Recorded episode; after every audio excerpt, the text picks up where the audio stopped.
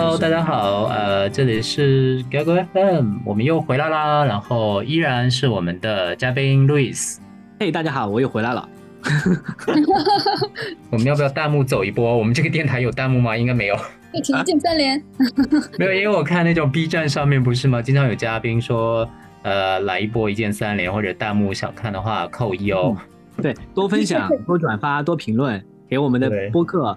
鸡同鸭鹅奖，刷刷数据，谢谢，谢谢，谢谢。好，我们今天会跟路易斯接下来聊我们感兴趣的话题。那天你在跟我聊这个话题的时候，我我不是也想听你在线下的那部分体验吗？啊，对的。其实像我跟 Broco 就是通过这个之前上海张耀杰这个平台认识的。呃呃，然后呢，我跟我现在的呃最好的朋友，包括很好的朋友。我老是去区分这些朋友，就反正都是很好的朋友，都是通过这个平台，然后借助这个平台认识之后再去拓展的其他的朋友，也就是都是线下认识的，是在我组织一些活动，或者是在他们组织的活动的时候，我碰到的一些活动。其实这个活动就有点类似于豆瓣在线下搞的一个活动，因为它是一个就是说。大家都是对这个群体，都是可能百分之九十是在这个群体内的一个人，所以你的安全感非常高，你可以比较自如的去做自己。你知道，大部分人应该不会来 judge 你。另外一部分就是这些活动，有时候他会安。呃，运动或者电影或者戏剧等等主题去组织活动。那如果我又在这个大的安全的环境下面，又在一个共同爱好的这个主题下面去认识一个人的话，你对这个人的这个兴趣程度就会很高了。然后如果聊了一两句，你发现哎好像也比较容易聊，那你就会非常有可能就是说大家之后一定要保持联系啊什么之类的，因为大家。呃，比如说刚到上海或者什么之类的，接触朋友的呃机会也不是很多嘛，所以就在这样一个整体大的一个线下的这样的一个场景下面，就认识了非常多就是聊得来的，然后很多想法、兴趣爱好都一致的这样的一个朋友啊，所以就我自己其实非常推荐。但是这样的活动可能现在在上海，呃，也不一定那么好找，你得知道他什么时候在哪里会办这样的活动。你你才可能去到，对，明白。因为某一些原因嘛，你也知道，不太可能在一些主流或者是很多情况下面去看到这些活动。明白。我现在有能，我现在有点能 get 到你觉得线上的转化率很低的这件事情了。因为就像就像我在线上认识人，我一定要把他拉到线下去认识一样，就是。呃，如果你一开始就经历了一个线下认识朋友，而且线下确实转化率很高了。我我对对对，是就是你你你通过那那一天那那聊几句，其实大概你就能判断了。对，有点跟那个对象有点相似的朋友也是一样的，就是有没有感觉，对不对？你自己也是知道的啊。是的，是的。所以，我我我有点能 get 到，嗯，有一部分或者是你之前说线上转化率很低这件事情的的点在哪里？因为他们可能之前经历过转化率更高的吧。对，对的，对的，是是这样。然后还有一些，我个人是觉得啊，有像电影的那个话题啊，电影节啊或者什么之类的，就是有同志电影节的，在上海每一年好像也是有有在办的。像这种的话就很好。我有两个很好的朋友，就是在通过这个场合认识的，然后他们已经多年那个在一起，然后关系都非常好。对的，因为他们俩的前提条件就很很好，就是。在一个同志电影节上面，两个人都对呃电影感兴趣，然后聊天发现呃也都会有好感，然后接着约活动也很简单，因为你就可以约看电影嘛，就很自然，他不扭捏，他也不尴尬，对，所以对。所以我就会推荐一些刚来上海或者是还没有就有很多朋友的，因为我知道有一些人会有这个困惑，在这个圈子里面，其实因为他会有很多步骤去自我认同啊，呃，是一个很长的阶段，然后其实你未必要完成自我认同之后再出去，你也可以抱着尝试的心态。你可以就是边自我认同边去参加一些活动，其实认识一些人是也是可以帮助你完成你的一个自我认同的这样的一个过程的嘛。我当时其实就是在荷兰的时候，当地的那个环境可能对我当时快速的形成一个高度的自我认同，我觉得是有帮助的。然后再回到这里，然后参加这样的呃。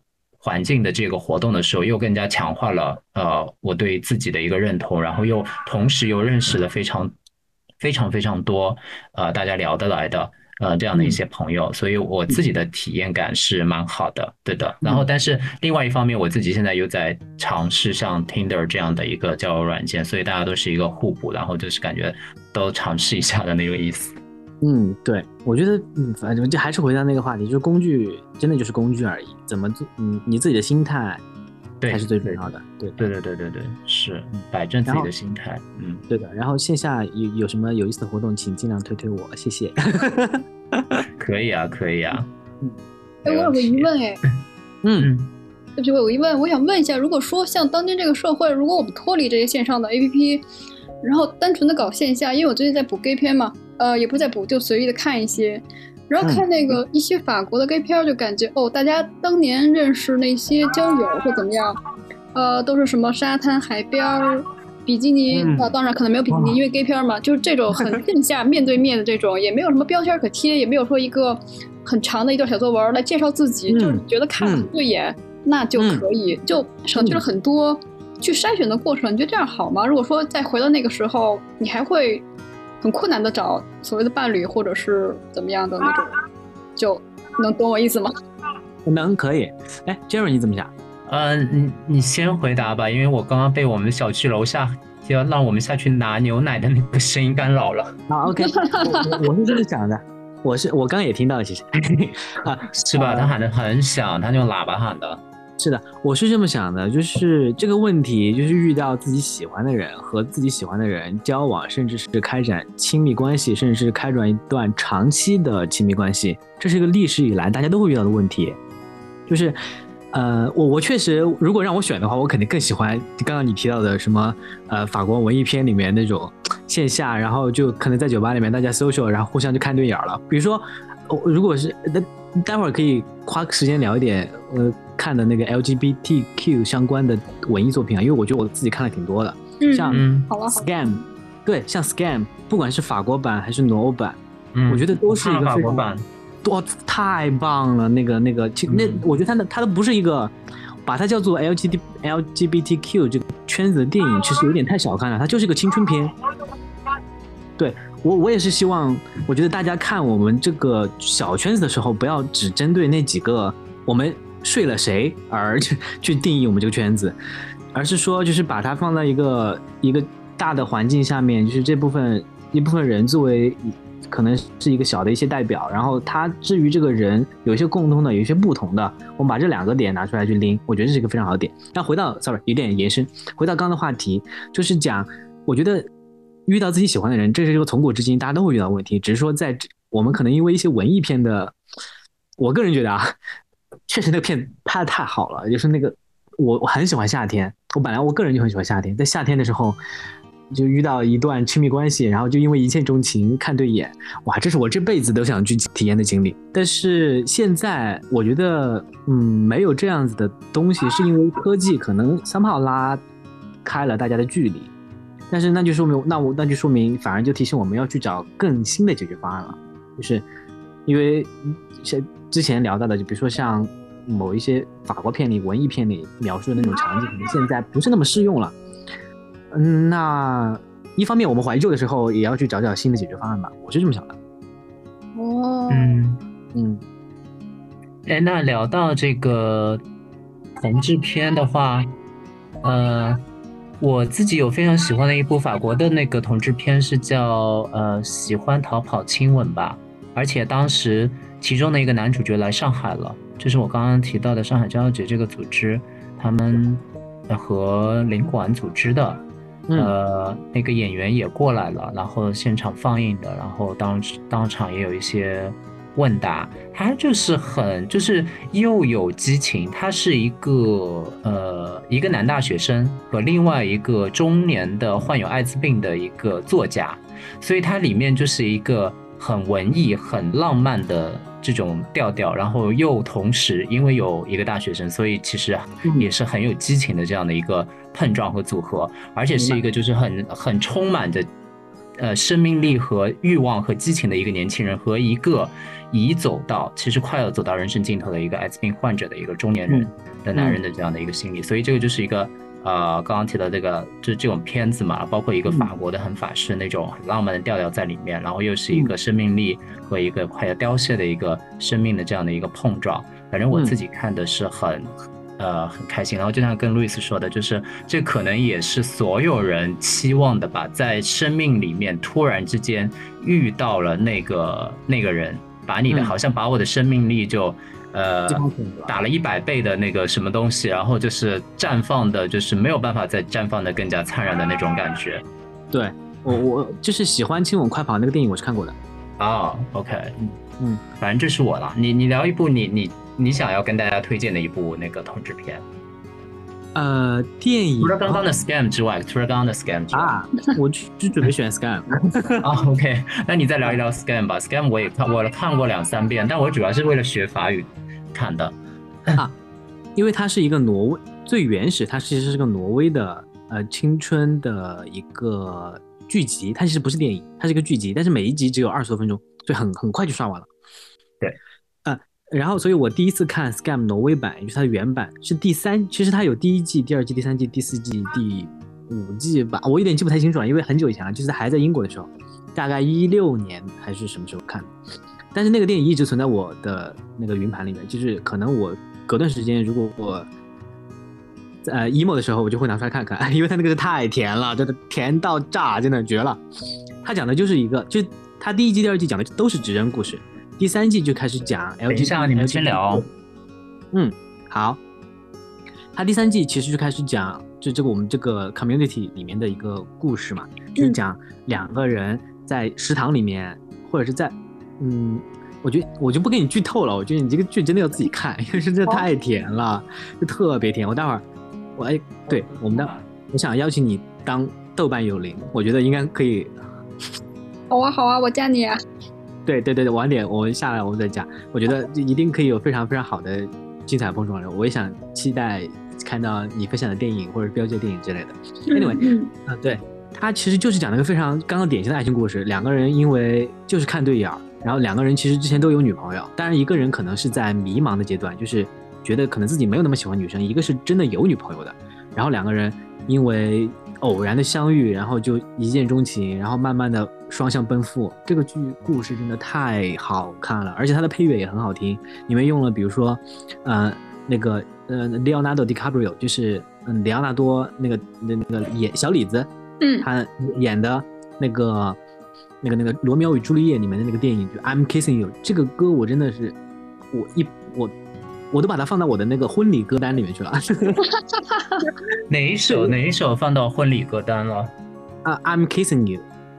啊，是在其中一集里面是吗？对的，对的，就太甜了，就是，就是，而且就是他那个画面，他的角色，他的台词，那包括演员的演技，真的一绝。而且所以说他在豆瓣上评分非常高，九分多。嗯。我觉得不光不光是这个 community 里面的人，就是 everyone 就是在青春期的人都值得去看的一个一个片子，因为它真的叫我们不光就是怎么去和这个世界相处，就是它就是真的讲的就是那些非常普世的人生观，然后价值观的那些东西，非常非常普世，不一定是因为你是一个性取向可能不是那么和别人差呃不是那么一样的人，你才要去看。我觉得每个人都值得去看这部这个这个剧。对，而且 Scam 它并不是一个只聊呃这个群体里面的人，它其实只是一季以他俩为主角，对不对？其他其实是其他的那个呃主角，是他们的故事。是的，然后第四季就讲了一个呃在挪威那个场景下一个穆斯林的女孩，真的那集我特别喜欢，我也特别喜欢，就第四季我也特别喜欢。反正挪威版真的非常好看，但法语版我也看了，因为我太喜欢 Scam 了，所以说挪威版、法版我都看了，法版真的也很甜。然后我就是因为看法版，所以喜欢上了那个，呃，有一集他们俩在弹钢琴，就弹那个 I Love You，就是 Real P，就是有他们俩之间有一段弹钢琴那个戏。然后那个歌我现在也还在听。哦，哎，你是一个很长情的人，对不对？你会反复去看自己喜欢的东西，你会反复去听自己录制过的节目。啊，我觉得在这个方面是吧？自恋狂。嗯，蛮好的啊。嗯，我是记得我我印象最深刻的是，我记得他们说挪威版是在厨房里面，然后法版是在那个公共教室里面涂鸦的时候有一个非常浪漫的激情戏，对，很美。是的，是的。然后挪威版那个在厨房里那个歌，我也现在还在听。OK，我还没有去看那个挪威版的。嗯啊，大家反正这一部确实还蛮推荐的。就哎虽然是一个国外的高一群高中生的那种生活，但是你看的时候肯定能够，呃，对自己的生活啊还有想法，我觉得是可以产生共情的，嗯，是的。蛮推荐的。Rocco 有吗？有有一部想要推荐的吗？我最近刚好看了几个 gay 片儿，我比较在意的有一片是越南拍的，叫《再见妈妈》，不知道你们有没有看过？没有。说实话，我很少看东南亚的这些片子，这个我检查。哦，我只看过那本那部泰国的，就两个高中生。之前很火第一季很火对对对对对，是的，我看了那个。那是我给我朋友推荐的。嗯嗯嗯，这个这个越南这个片儿，感觉它拍出了中国拍不出的一些元素素材，还有那些场景、剧情，就是让我觉得好像跟欧洲那些那些鸟类观赏的 gay 片不太一样。笑死了这！个形容可以的。好，我现在我正在标记它。我我自己印象比较深的还有两部，也是近些年比较大热的，一部是《Call Me by Your Name》，另外一部是《Love Simon》。呃，啊 Call Me by Your Name》的知名度应该更高吧，嗯，对，对吧？然后《Love Simon》是爱你西蒙。爱你西蒙，呃嗯嗯，对它这两部，在我看来有一个非常共同的特点，就是说，往往我们其实包括我们现在都在讨论一个标签式的东西，就是 LGBTQ 这个群子里面，就是一个这个圈子里面的片子一样。但是这嗯两部或多或少已经突破了这个边界，他聊的就是一部呃普通的这样一个这样呃爱情，或者讲两个普通人之间的这种爱情的那种感觉的这种片子，把那个同性。这个元素就弱化了，把两个人之间的单纯的喜欢和爱，把它给强化了，然后所以可能受到了更多主流的呃市场和媒体的关注，而且确嗯。实这两部片子的市场表现和影评都非常的不错，所以在看的时候你会呃弱化他们俩那个呃性取向也好带来的那种内心的挣扎，包括什么这一方面会很少，更多的还是讲两个人。怎么认识，怎么相互喜欢，然后在过程当中，无论是哪个性别、哪个取向，可能在相爱过程当中都会遇到的一些问题。这个好像也是近些年呃出现的这一类片子，呃、嗯一个势头，我个人感觉。然后这两部片子也很美，也很好看，我是的我也推荐大家可以去看一下。肯定的。呃，《Call Me by Your Name》是我看了电影之后，我那个电影我真的，我大概可能过过个两三年也会再看一次。然后里面的那个小说我也我也看过，我还看过原版小说。嗯，我也是。不为数不多的，我会把电影的剧本，就是原版小说拿出来看，然后我还一直会去听，就是里面那个主角那个那个那个锤哥他自己读的《Call Me by Your Name》这本书的有声书，哦，他有读啊？有的有的，他自己读的，是是是那个 Timothy 读的，还是另外那个人？呃，就是阿米哈嘛，就是哦，，OK，对，哎呃，Oliver，哦，OK，他有毒啊。对的对的，他自己毒的，他的声音真的很好听，对他好像被封杀了耶。是因为他不是有那个什么食人癖吗？还是什么？这是可以说的吗？啊，吓死我！食人癖，你搞得他好像正在吃人一样，也没有这么恐怖吧？他好像主要是跟人聊天，聊了很多一些东西吧？对，可能有跟 fetish 相关的吧，就是怎么说呢？对对对对对嗯对对对可能作为我们来讲，我是觉得没有什么，但是作为他这个人物来讲，确实要对他反正自己言行负责任嘛。是的，是的。然后你刚刚其实讲到了《Love Simon》和《Call Me by Your Name》，他弱化同性题材那个同，同就是世俗意义上的之前那种同志片那种，因为我觉得之前的同志片有点苦大仇仇深了，对，就很难。当当然，这完全没有任何不好的意思，因为确实这个也是反映现状吧，我觉对得。这个 community 之前就是被压迫的，就是这个现状我是知道的。比如说看那个每分钟一百二十集那个法国电影，哇，我真的啊我看看看哭了，真的看哭了。呃，anyway，就是这个群体之前就是被压迫，所以说之前的可能更多的是反映现状的电影。对那现在有了更多的场合，这个世界也在表面上更政治正确了嘛，对吧？所以有有了这种不一样的文艺作品出来，去帮大家去更就是说以另外一个视角去看我们这个 community，我觉得也是非常非常重要的。我也非常喜欢，我也非常喜欢你刚刚推荐的那两部电影。对，而且它也是其实反映了当下年轻人的，因为它其实确实不像以前，比如说出柜啊，或者很多现实方面的问题，它没有以前那么困难了。它确实也经历了很比较少的这种内心的挣扎，也会在减少嘛，对吧？所以也可以说它反映了当下的一个呃。一部分人的这样的一个情况，我觉得也是也是现也是具有现实意义的了。嗯，而且以前的 B 一的所谓 B 一吧，就是结尾惨淡的是占主流的吧？嗯，现在对吧？所以我有朋友他是单纯不喜欢看，呃，他很喜欢看电影，但他还很不喜欢这种 B 一结尾的，他就觉得好像为什么都要把这些这一类型的片子，呃，都要给他们这样一个结尾呢？他他啊，他就很反感。嗯，因为不是说电影不好，他也不是说电影不好，他就明白反感每一次看这个的时候，他看到最后都是一个很压抑的这样的一个结尾。对，我觉得我能跟他共情了。就是如果我看一部跟我自己这个场场景或者是这个 scenario 非常相关的电影的话，我肯定希望它是个好的，因为。特别是我们还是中国人，我们就喜欢合家欢乐的题材的电影，破色脑子不能死人，是吧？哎，anyway，对对对。但是但是，我觉得了解之前的那段历史还是非常有必要的，因为现在对于呃某一些群体的抨击或者是 stereotype，就是这种刻板印象还是存在的，对吗？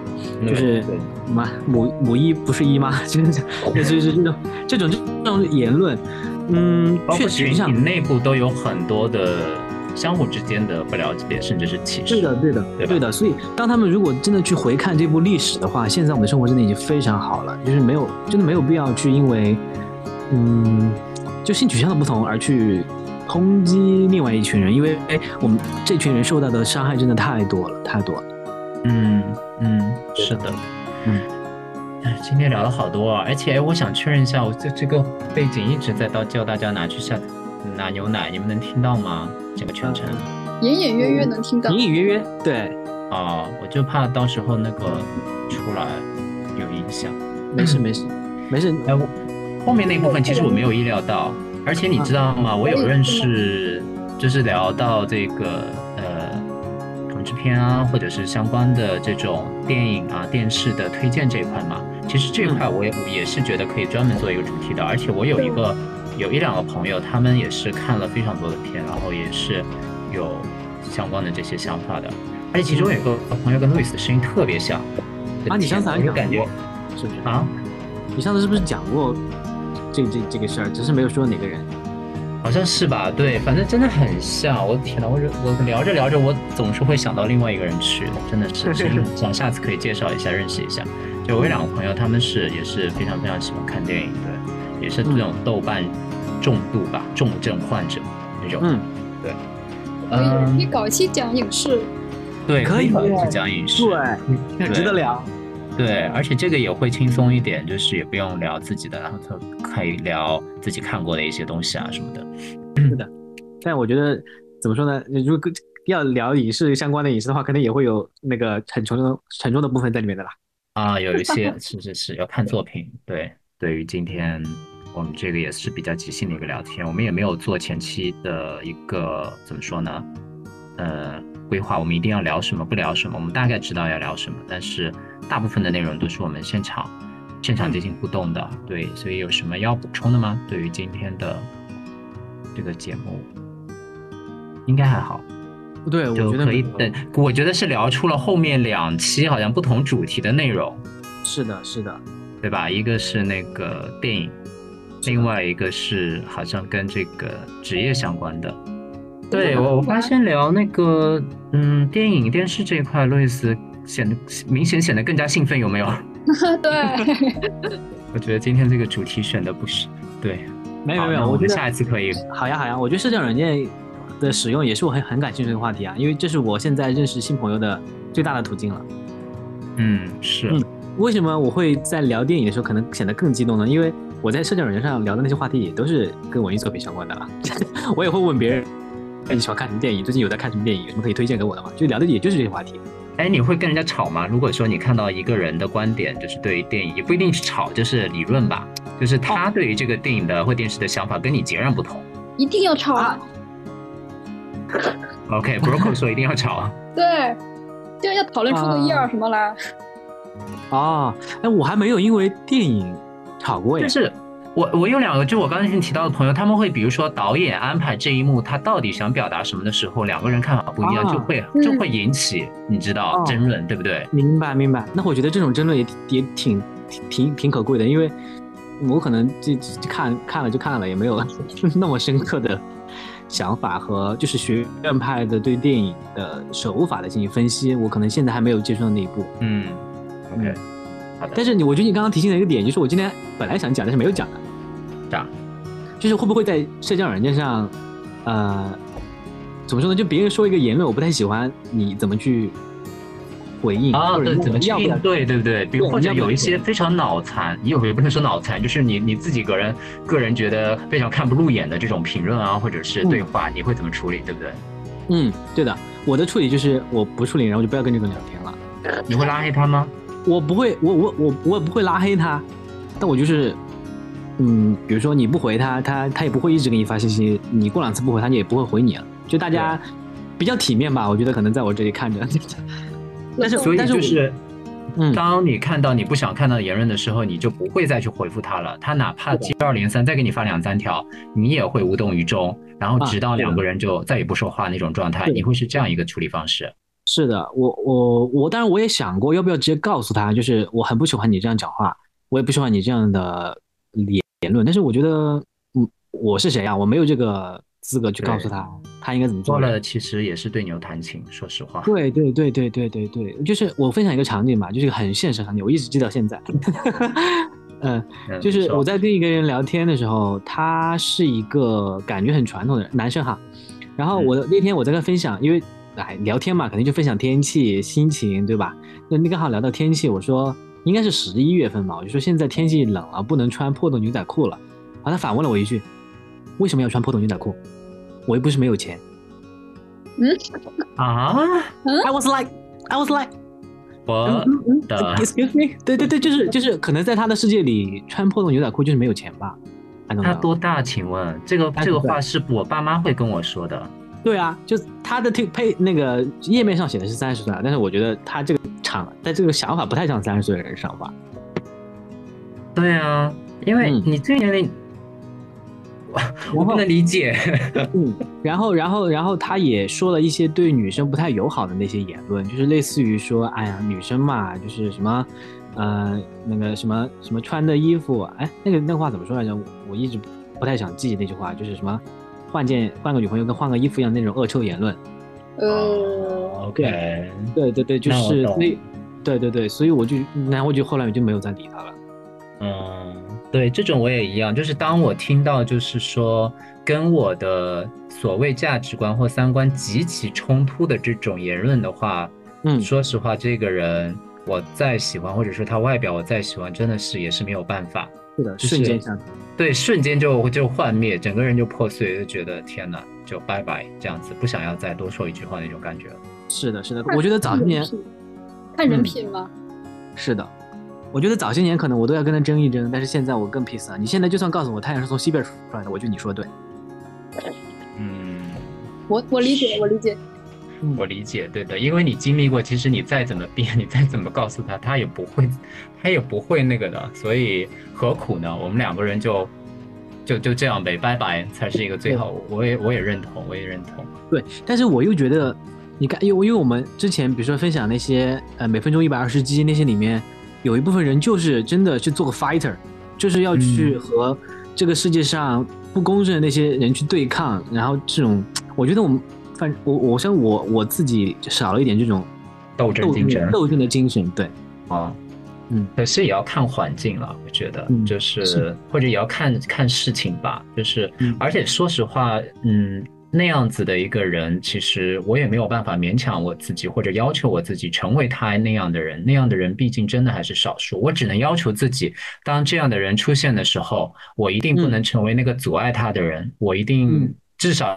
力所能及的去支持他，帮助他，尽可能的去减少他的一个阻碍。但是我可能知道我没有办法成为他那样的人，因为那样的人也确实不是随随便便，呃，谁都能成为这样的一个代表性的这样一个人物吧。同意，同意，可以。我觉得我们做了一个播客正常的就是操作，就最后把升华了。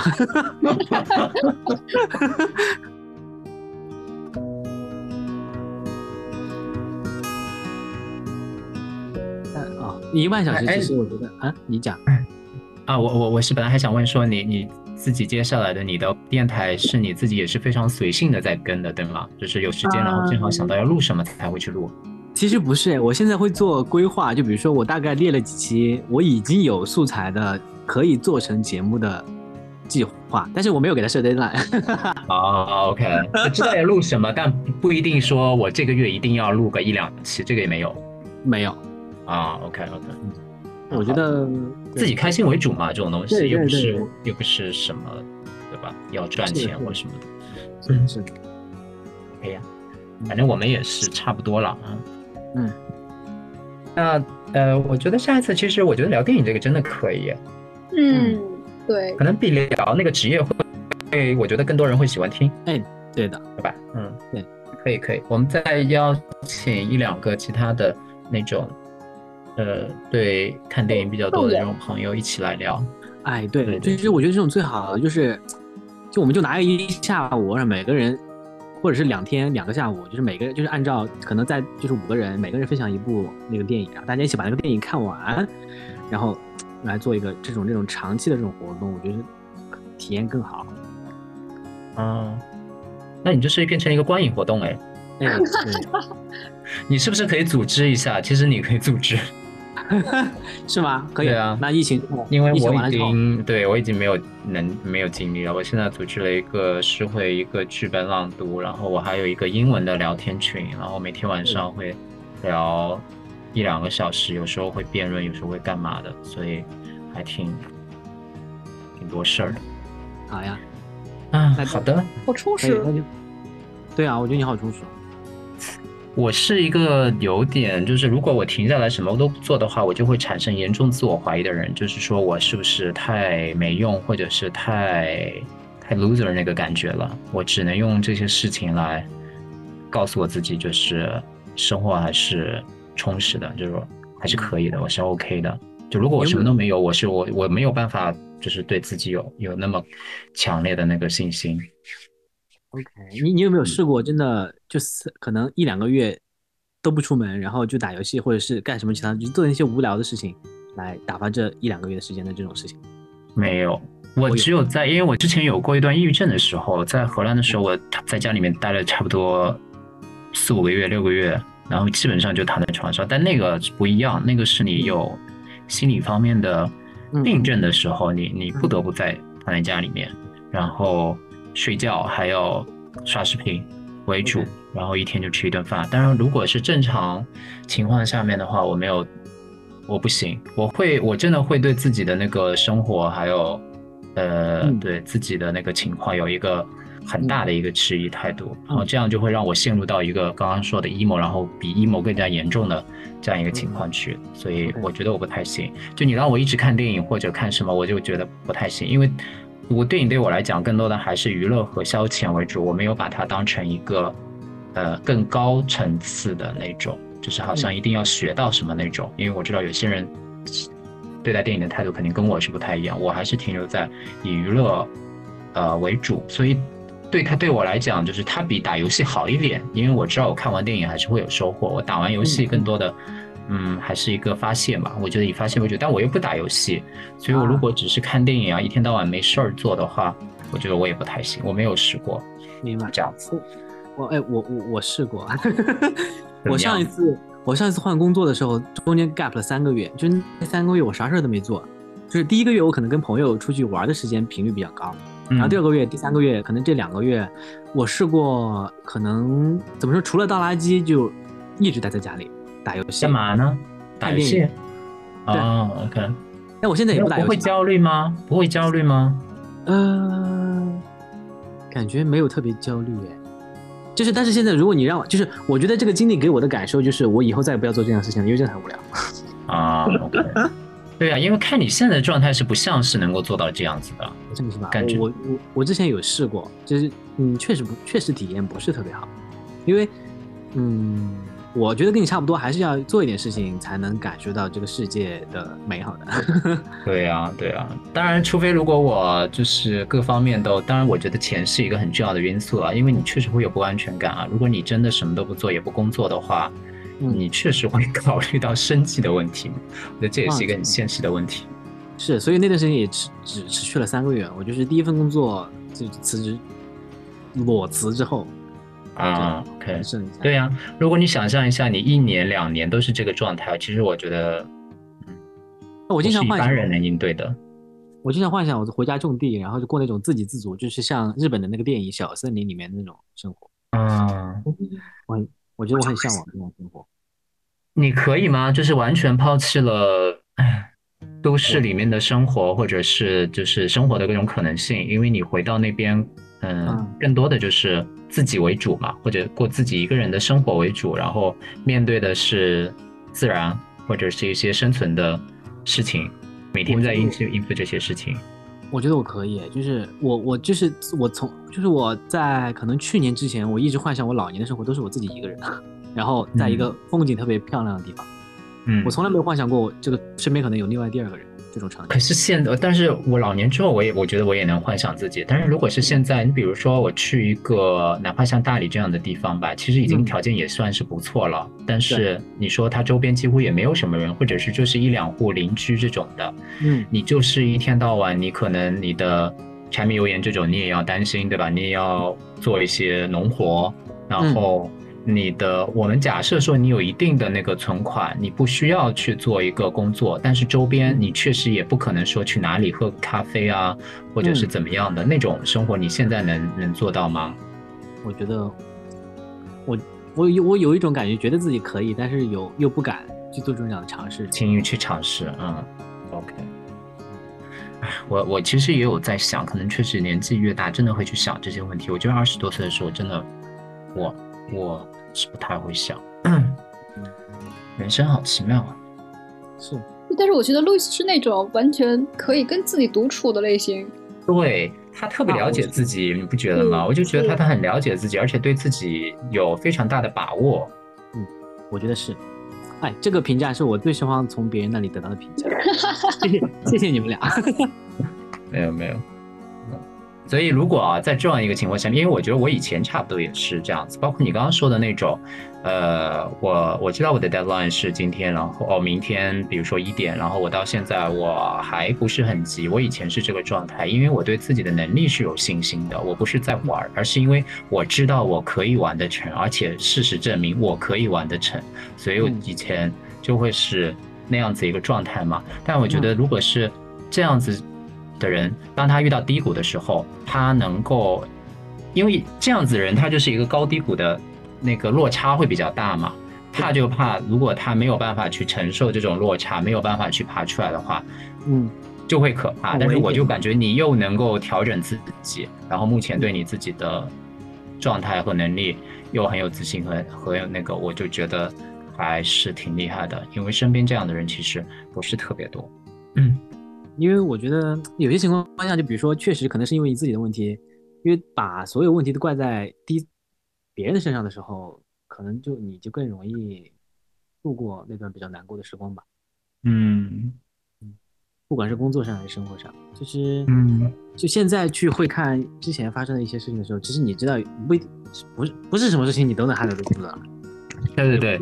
对对对，这个是这个是 OK 的，只是说当这些事情发生的时候，你也不要把自己就是好像就是呃拖下去了，就是好像怪罪自己啊，或者是没有办法再爬起来，那那也那也不太那也不太好，反正对吧？你也不可能解决所有的事情。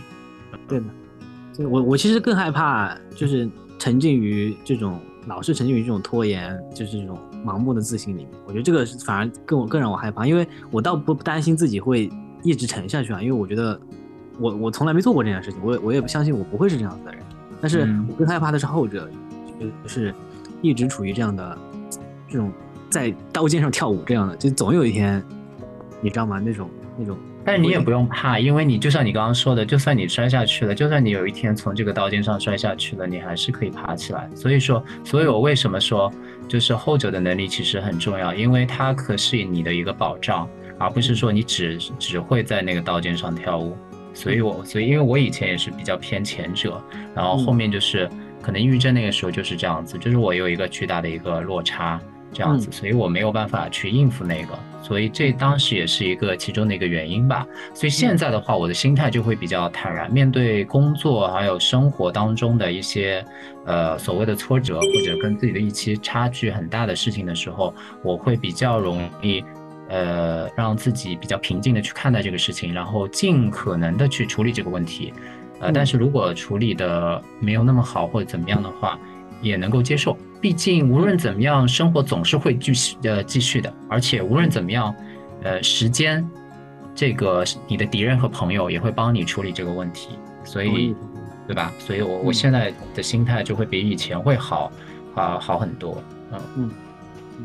嗯，差不多就是这样子。嗯，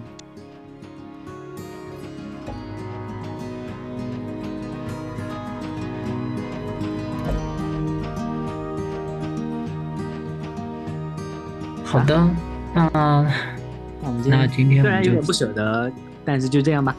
对啊，对啊，对啊。然后下次如果你播客嗯有需要那个什么的话，嘉宾的话也可非常欢迎。我现在在自荐，可以啊，可以。我我其实。嗯，他一开始说是你自己作为嘉宾，还是一个电台的联合？我说今天应该是路易斯自己的嘉宾啊。对，嗯，我觉得，因为我很喜欢看访谈节目，就是现在访谈节目好的访谈节目越来越少了。我一直在看十三幺，就是许知远，他会去采访一些其他人。嗯，等我等我做好准备了，能开一个我觉得比较好的访谈节目时，我肯定会邀请你。你们呢？好呀，好呀，没有，就是。商业互商业商业互互邀一下了，好，不用有压力。好的，那今天就到这里了，谢谢 Louis，谢谢 Jerry，谢谢 Broco，谢谢，拜拜，拜拜，拜拜，拜拜。